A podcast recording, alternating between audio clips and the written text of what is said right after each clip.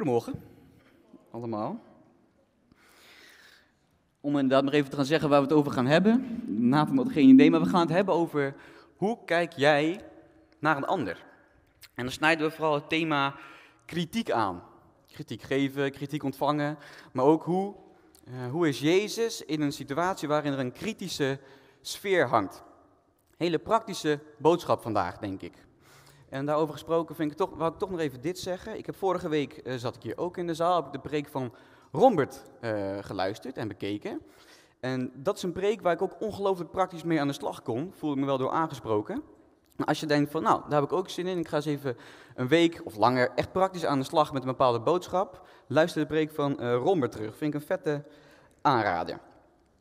Dat is, zo, het is ook warm hier. Als je wil laten dopen, moet je het vandaag doen. Um, waarom gaan we het hebben over dit thema? Nou, ik merk, en misschien herken je het wel, maar ik merk dat ik nogal snel ergens iets van vind. En daar ben ik eigenlijk helemaal niet zo blij mee, maar het is wel zo. En ik betrap me er best regelmatig op dat ik iets zeg, of dat ik iets denk van een ander, waarvan ik denk, waarom, waarom vind je dat nou eigenlijk? En dat heeft helemaal geen, ja, dat is helemaal niet goed dat je dat denkt of dat je dat vindt. Laatst had ik ook zo'n situatie, liep ik met wat vrienden in Zwolle. En er liep een vrouw rond en die had een soort groene haren, eh, zo alle, een soort toekan leek het, alle, alle kanten op. En ik kan er niks, ik moest erom lachen. En um, nou, dat kan. En ik zei ook tegen mijn vrienden van, nou ja, moet je dat zien, dat ziet er bijzonder uit. Uh, netjes achter haar rug om, zodat zij het niet kon horen. En uh, toen ik dat gezegd had, dacht ik, ja, dat is eigenlijk wel bijzonder dat je dat vindt. En ik had er nog een vervolgconclusie aan. Ik dacht namelijk, stel ik ben nu de weg kwijt, ik weet niet waar ik ben, hoef ik het niet aan haar te vragen, want zij kan me niet helpen. Op, op wat gebaseerd? Ik heb geen idee, maar dat dacht ik. Laatst had ik met een andere vriend een gesprek. En die zei, Juri, als ik jou 50 euro, uh, stel jij hebt 50 euro en dan moet je in bewaring geven. Je mag hem geven aan twee verschillende personen. Je mag hem geven aan of een Nederlandse man van rond de 60 jaar, of aan een Marokkaanse jonge gast. Aan wie geef je hem? Die man van 60 jaar, zei ik. Heel snel. Maar, en dan kun je zeggen, oké, okay, welgefundeerde keuze, Juri, cijfers onder criminaliteit. Uh, criminele cijfers onder Marokkaanse jongeren spreken voor zich, niet altijd heel positief. Maar wat er gebeurde, ik zag ze voor me. Ik zag die man en ik zag die jongen voor me en direct koos ik voor die man. Toch een vooroordeel. Zo snel kun je ergens iets van vinden. Zo snel kun je ergens iets over denken. En ik betrapte erop. En ik durf eigenlijk best een stapje verder te gaan. En je mag, de, zelf ook, uh, je mag de vraag ook aan jezelf stellen, maar ik durf wel te zeggen, ik discrimineer regelmatig. En daar ben ik ook helemaal niet blij mee. Ik merk dat ik het heel niet leuk vind om het nu te zeggen, maar het is wel zo. Ik betrap mezelf erop. Um, nou, en dat is het uitgangspunt even waarom ik deze preek ben gaan maken. Ik vond het nog interessant om te kijken, nou, hoe komt het nou dat je het allemaal denkt? En hoe ga je er in het vervolg nou mee om? En als het dan gaat over het geven van kritiek, hè, je hebt een soort van mening en je wil die uiten, dan heeft het mij geleerd om voor mezelf het volgende te denken. Kritiek, Jury, geef je vanuit een rol. Ik denk dat een politieagent, dat het zijn rol is, of haar rol is, om kritisch te kunnen kijken naar het rijgedrag van, van de burgers. Van, van ons eigenlijk. Daar zijn we niet altijd even blij mee, maar het is wel zo. Ik denk dat ja, als je een partner hebt of je bent getrouwd, dat je best kritisch mag kijken naar hoe je partner omgaat met de kinderen. Ik denk dat een huisarts kritisch mag kijken naar het levenspatroon van zijn patiënten, om die persoon van, ja, goede advies, uh, van goed advies te voorzien. Dat is allemaal vanuit een rol. Kritisch zijn doe je vanuit een rol.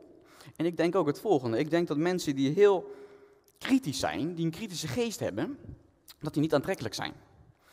En als we hierna gaan kijken vanuit christelijk oogpunt, hè, van hoe ben je een christen, denk ik dat je wel aantrekkelijk wil zijn. Dat denk ik. Dat je warm wil zijn, dat je iemand wil zijn uh, met een liefdevolle uitstraling. En toen dacht ik, ja, heb je dat eigenlijk wel altijd, Juri? Het hielp mij ook om een stukje te lezen uit Leviticus 4.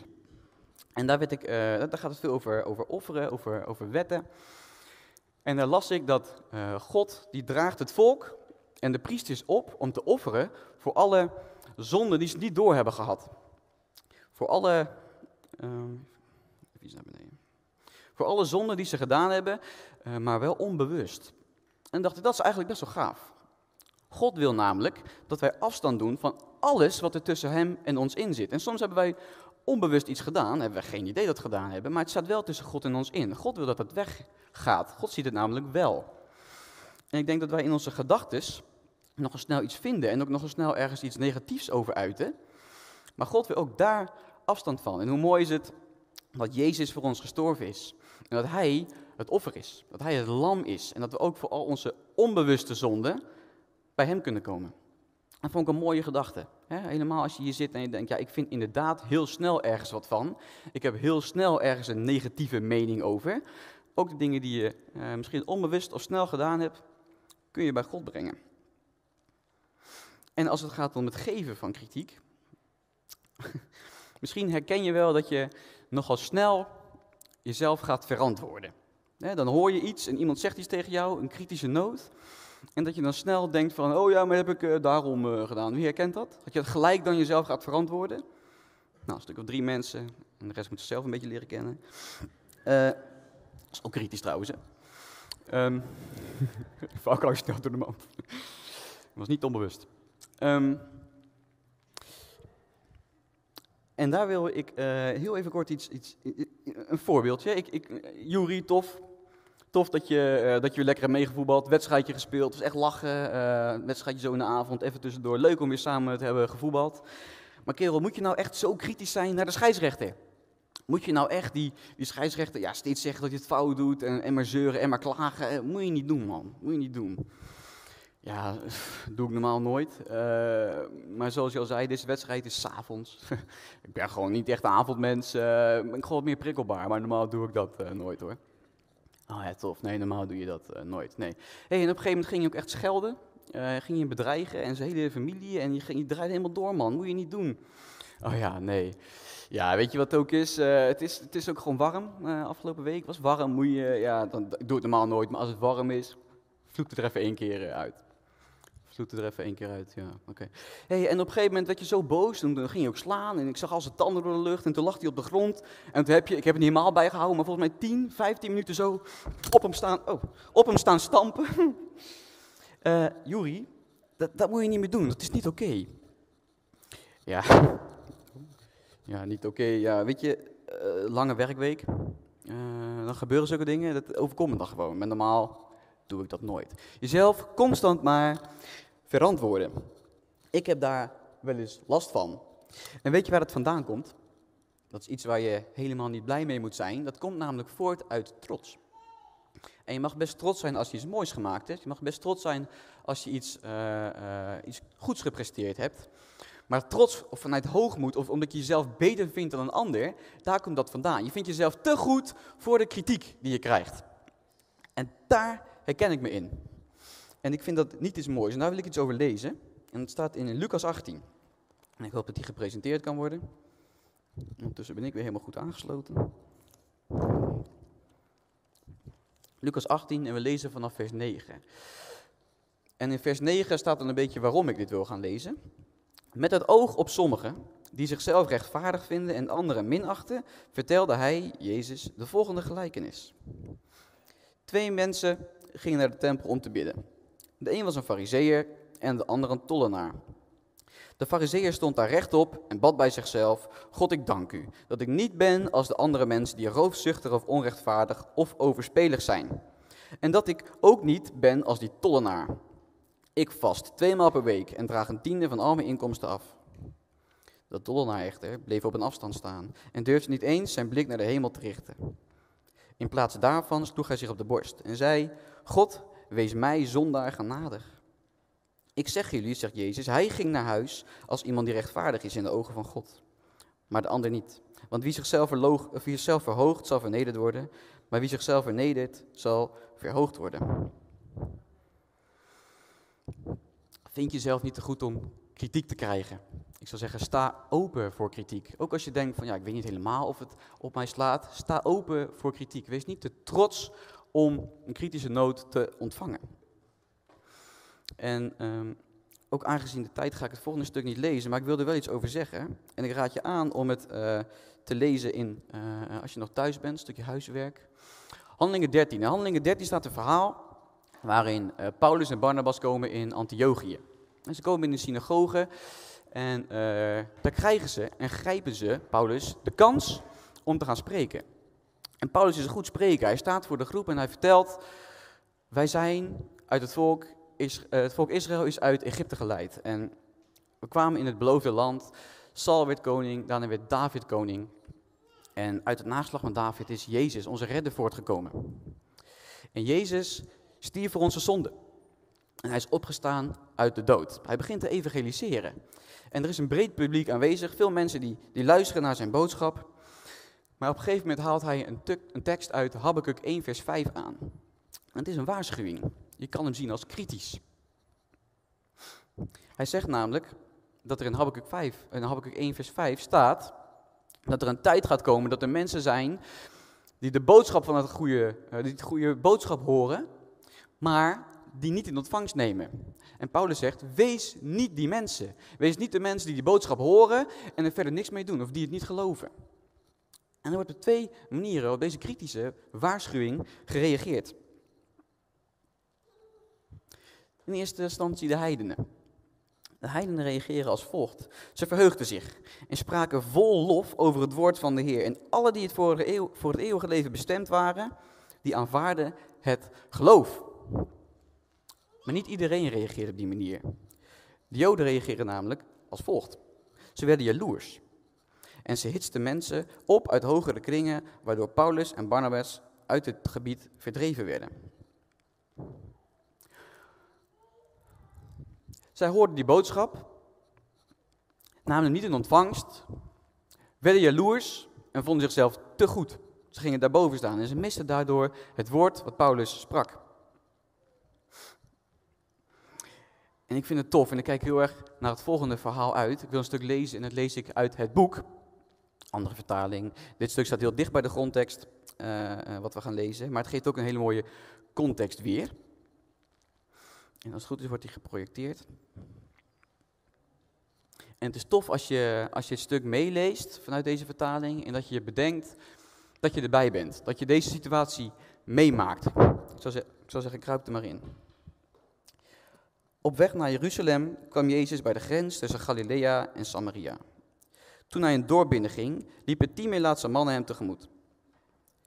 Ze bleven op een afstand staan en riepen, Meester, Jezus, heb medelijden met ons. Hij keek hen aan. Ga naar de priester om te laten zien dat u genezen bent. En terwijl ze gingen, verdween hun melaatsheid. Een van hen kwam bij Jezus terug en juichte, wat is God goed, ik ben genezen. Hij viel het eerbied lang uit voor Jezus neer met zijn gezicht in het stof. Hij dankte hem voor wat hij had gedaan. Deze man was een Samaritaan. Jezus vroeg, zijn niet al die tien mannen genezen? Waar zijn de negen anderen? Is alleen deze man teruggekomen om God te prijzen en te danken? En hij is niet eens een Jood. Jezus zei tegen de man, sta op, u kunt gaan. U bent gered door uw geloof. Er gebeuren een aantal hele bijzondere dingen in dit korte stukje. Er worden tien mensen genezen. Iets heel bijzonders. Jezus gaf aandacht aan Melaatse mensen, mensen die onrein waren. Ze riepen van een afstand. Mensen wouden niet bij ze in de buurt komen. En een van hen is een Samaritaan. En twee weken geleden is dat hier ook uitgelegd. Samaritanen en Joden ging niet goed samen. Joden mede Samaritanen. En ze hekelden zelfs Samaritanen. Maar er gebeurt nog iets. En voor mij knalt dit eruit. Ik vind het zo bijzonder. Jezus geeft namelijk in eerste instantie helemaal geen aandacht aan de man die lang uit voor hem op de grond ligt. Let maar op. Er gebeurt iets heel anders. Jezus richt zich tot het volk. Hij viel uit eerbied lang uit voor Jezus neer met zijn gezicht in het stof. Daar ligt hij. En hij dankte hem voor wat hij had gedaan. Deze man was een Samaritaan. Jezus vroeg, zijn niet al die tien mannen genezen? Waar zijn de negen anderen? Is alleen deze man teruggekomen om God te prijzen en te danken? En hij is niet eens een Jood. En daarna richt Jezus zich tot deze man. En hij zegt, sta op, u kunt gaan. U bent gered door uw geloof. En waarom vind ik dit zo bijzonder? Terwijl die man daar ligt, lang uit in het stof, met zijn gezicht. En Jezus dankt, kijkt Jezus naar het volk. Maar hij kijkt niet alleen naar het volk, Jezus kijkt naar de aanklager. Het eerste wat Jezus doet, is hij haalt de aanklacht weg. Hij kijkt naar het volk, hij voelt de kritische sfeer. Hij voelt de sfeer van mensen die denken, daar ligt een Samaritaan. Maar Jezus ziet iets anders. Jezus ziet het individu. Deze man die voor hem ligt. En hij spreekt het volk aan. Hij had de aanklacht weg. En Jezus wist heel goed wat hij deed. Het is niet eens een Jood. Hij benadrukt het zelf nog. En daarna, pas daarna, als de aanklager weg is, spreekt Jezus deze man aan. Hij zet hem vrij. En het is niet de eerste keer en ook niet de enige keer dat we Jezus dit zien doen in de Bijbel. Ik moet denken aan het verhaal van de overspelige vrouw. Een vrouw die echt vol schaamte bij Jezus gebracht wordt. Al eigenlijk door iedereen veroordeeld is die daar omheen staat. Uh, gekleineerd, ze is bang. En er wordt verwacht dat Jezus een oordeel velt over deze vrouw. En daar staat Jezus. Wat gaat hij doen? Alle mensen kijken. Oeh, wat gaat hij zeggen tegen deze vrouw? Maar Jezus reageert in eerste instantie helemaal niet op die vrouw. Maar op de aanklager. Oké, degene die, de eerst, die nog nooit een zonde heeft gedaan, werpen de eerste steen. En de aanklager druit in dit geval letterlijk af. En pas dan, pas dan richt Jezus zich tot deze vrouw. Ook ik veroordeel u niet. En hij zet haar vrij. Herken jij de aanklager? Ook in jezelf. Herken jij het als je iets vindt of als je iets denkt van een ander, zonder dat het eigenlijk ergens op gebaseerd is? Heb jij in de gaten dat wij soms ook mensen aanklagen? En daarmee, fantastisch Berry, dat je dit nummer, eh, ben niet dat je dit nummer ook gezongen hebt, zetten we ze in slavernij. We ketenen ze. En ik denk dat als wij de aanklager herkennen en de aanklacht weghalen, dat je iemand vrijzet. En kritiek best wel een aanklacht. Begrijp me niet verkeerd. Ik zeg niet dat je niet kritisch mag zijn. Dat zeg ik niet, dan heb je me niet begrepen. Maar ik denk wel dat het je helpt om te denken dat het niet altijd jouw rol is om je kritiek te uiten. Ik wil nog één ding zeggen. En daar sluit ik hem ook mee af. Ik denk dat heel veel mensen hier nog op vakantie gaan. Ik denk ook dat uh, sommige mensen op vakantie zijn, dat weet ik. Jawel. Um, en um, ik heb ook mensen net gesproken die hier zijn op vakantie. Welkom, superleuk. En er zijn ook best wel mensen die gaan nog naar de kust, naar de Nederlandse kust. Maar waar ik op vakantie ga, die komt hier buitenlanders tegen. Toch? En veel mensen gaan naar Frankrijk. En ik ken, ik ken wel deze gedachte. De arrogante Fransen. Uh, spreken geen Engels. Iedereen klaagt er altijd een beetje over. En eh, dan ga je een keertje lekker zwemmen in de zee. En dan zitten er 3 miljoen Duitsers. Ook niet iedereen zit daarop te wachten. En ik ken, ik ken die aanklacht. Maar ik daag je uit. Ga thuis eens lezen in Jezaja 56. Ga het eens lezen. Daar zie je hoe Jezus, uh, hoe God spreekt over de buitenlander. Letterlijk de buitenlander. Dikke spoiler alert, Jezus of God, die zegt niet, uh, ga maar weg. Nee, hij omarmt ze. Ze zijn welkom op mijn heilige berg, zegt Jezus. Ik daag je uit om het nog praktischer te maken. Terwijl, volgens mij kun je heel veel praktisch uh, met deze boodschap. Maar ik daag je uit.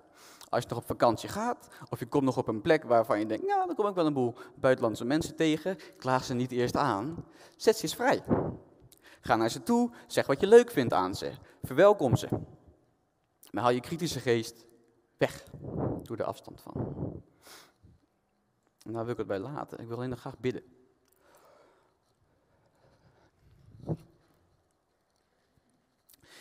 Heere God, lieve Vader, dank u wel dat we hier mogen zijn. Dank u wel dat, uh, dat de zon schijnt, dat het lekker warm is. Uh, Heere God, ik wil u vragen of u ons wilt helpen om onze kritische geest te leren herkennen. Ik wil u vragen, Heere God, om ons te helpen om in uw naam de aanklager bij ons vandaan te houden. Om hem te herkennen. Heere God, help ons om steeds meer te lijken op u, Jezus. Help ons om goed om te gaan met de mensen om ons heen. Als we op vakantie zijn, als we hier zijn. Maar help ons om mensen vrij te zetten. Help ons om in uw naam, Jezus, mensen te helpen om niet te denken dat ze een slaaf zijn, dat ze gebonden zijn, maar dat, we ze, dat, dat ze vrij zijn, lieve God. En dat bid ik in uw naam, Jezus. Amen.